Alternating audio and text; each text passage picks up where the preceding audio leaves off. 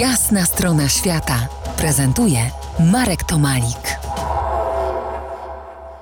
Po jasnej stronie świata dr Maciej Sobczyk, kierownik pracowni archeologii Wybrzeży Pacyfiku i Dalekiego Wschodu Wydziału Archeologii Uniwersytetu Warszawskiego oraz pracownik Centrum Badań Andyjskich tegoż samego uniwersytetu.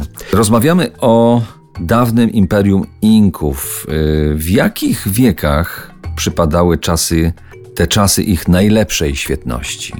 Generalnie przyjmuje się, że ten okres imperialny państwa Inków, czyli tej bardzo intensywnej ekspansji, to jest y, dopiero y, wiek XV, druga połowa nawet tego wieku XV.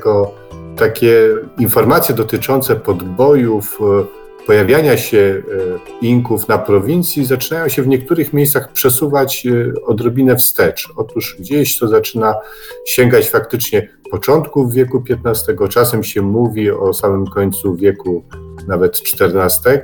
No dalej nie są to jakieś bardzo długie przedziały czasowe, ale z całą pewnością rozmawiamy o trwole, e, tworze państwowym takim bardzo krótkotrwałym, e, tak z punktu widzenia historycznego, bo to raptem kilka pokoleń. W prowincji Condesuyos, gdzie prowadzisz badania archeologiczne, była jedna z najważniejszych wyroczni tego dawnego imperium. Mm, proszę powiedz, co to jest wyrocznia i dlaczego miała takie znaczenie dla władców, no i siłą rzeczy dla ich poddanych?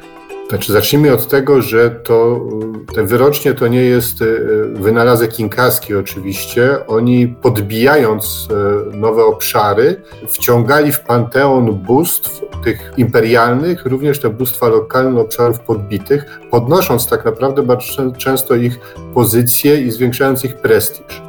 Czyli no, ta wyrocznia musiała się wykazać też, że ona potrafi przepowiadać przyszłość, wypowiadać się w odpowiedni sposób. Wpuszczenie takiej wyroczni do tego panteonu imperialnego wiązało się z tym, że musiała przejść swego rodzaju egzamin. Czy faktycznie jest sprawna, czy potrafi udzielić tych odpowiedzi takich, jakich trzeba.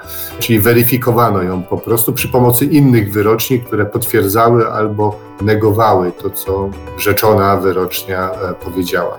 W sytuacjach ekstremalnych dochodziło również do konfliktu między władzą, a tymi wyroczniami i na przykład na północy Peru była taka wyrocznia Katekil, którą Atahualpa tuż przed tym, jak został pojmany przez Hiszpanów, zniszczył, ponieważ wystąpiła przeciwko niemu. O tym jeszcze porozmawiamy w ostatniej naszej rozmowie za kilkanaście minut po jasnej stronie świata.